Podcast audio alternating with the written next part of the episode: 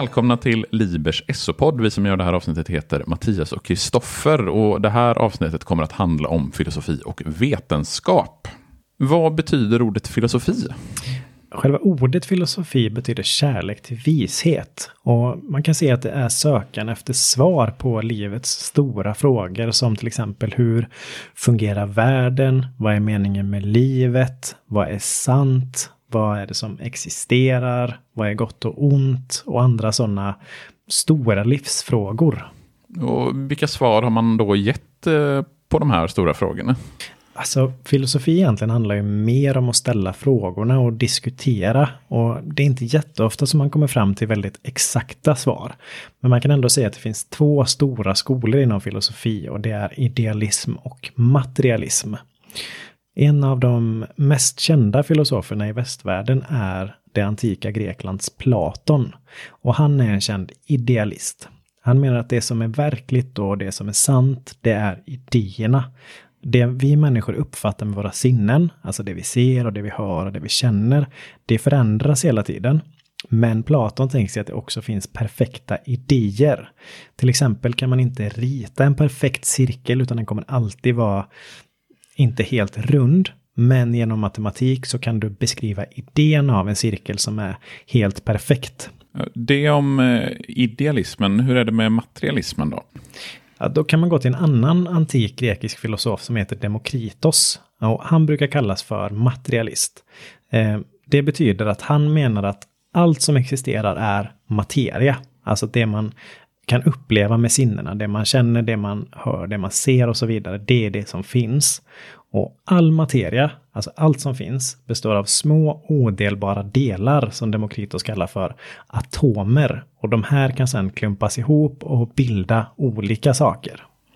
De här antika grekiska filosoferna, då är vi någonstans på 300-talet före Kristus. Vad händer efter dem? Ja, efter då att de antika grekiska filosoferna fanns så var det ju framförallt kristendomen som dominerade det mesta i Europa och så även tänkandet och filosofin.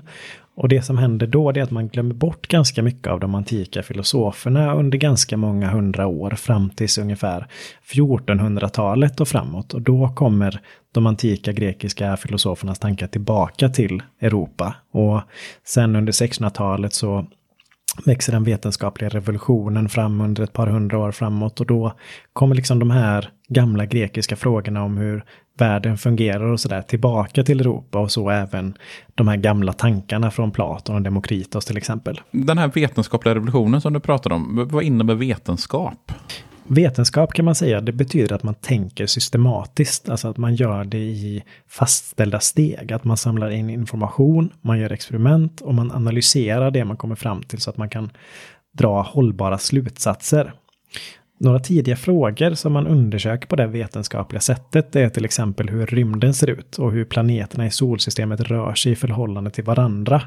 Och mycket av det här stöter på motstånd från kristendomen. Framförallt så är det frågan om vilken planet som är i centrum. Om det är jorden som kyrkan tänker sig eller solen som de här vetenskapsmännen tänker sig. Och kyrkan straffar de här vetenskapsmännen som tänker sig att det är solen som är i centrum ganska hårt. Till exempel med husarrest eller att man bränns på bål. Men vetenskapen fortsätter ändå framåt trots det här. På 1700-talet, under upplysningen, så börjar vetenskap och religion mer och mer skiljas ifrån varandra och man delar upp vilken slags frågor man besvarar och på vilket sätt man gör det. Och om vi tittar och hoppar fram till idag, hur har vetenskapen fortsatt att utvecklas?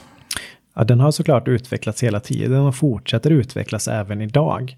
Eh, bara de senaste hundra åren så är det väldigt många nya forskningsområden som upptäcks. Allt ifrån naturvetenskaplig forskning om de minsta beståndsdelarna till hur hela universum fungerar. Eller samhällsvetenskaplig humanistisk forskning, till exempel om hur människor levde för flera tusen år sedan. Eller hur dagens samhällen hänger ihop i en globaliserad värld. Och såklart väldigt, väldigt mycket annat.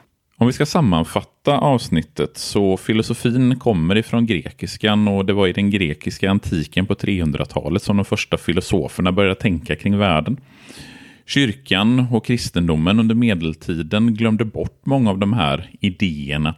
Men med den vetenskapliga revolutionen på 14, 15, 1600-talet så kom det ett nytt sätt att försöka förstå och förklara världen. Och idag så har vetenskapen vuxit och bara på de senaste hundra åren så har stora vetenskapliga framsteg tagits. Tack för idag! Tack, tack!